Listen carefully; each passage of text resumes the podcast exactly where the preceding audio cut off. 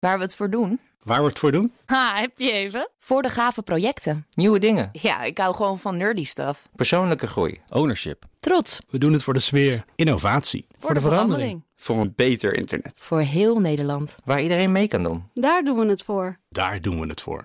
Waar doe jij het voor? Kom werken voor KPN en groei op jouw manier. Check de actuele vacatures op het gebied van data, security, development en networking op jobs.kpn.com/tech.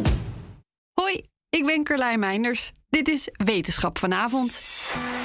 Resistentie van malaria-parasieten tegen anti-malaria-middelen wordt een steeds groter probleem.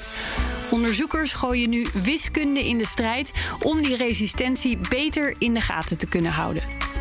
Volgens de WHO waren er in 2020 wereldwijd nog altijd zo'n 241 miljoen gevallen van malaria.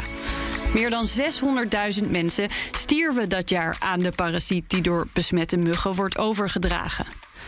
In Afrika wordt preventief gebruik gemaakt van het middel sulfadoxine perimetamine om de bevolking te beschermen tegen de ziekte. Maar in sommige gebieden neemt de resistentie tegen dit middel toe en werkt het niet meer goed.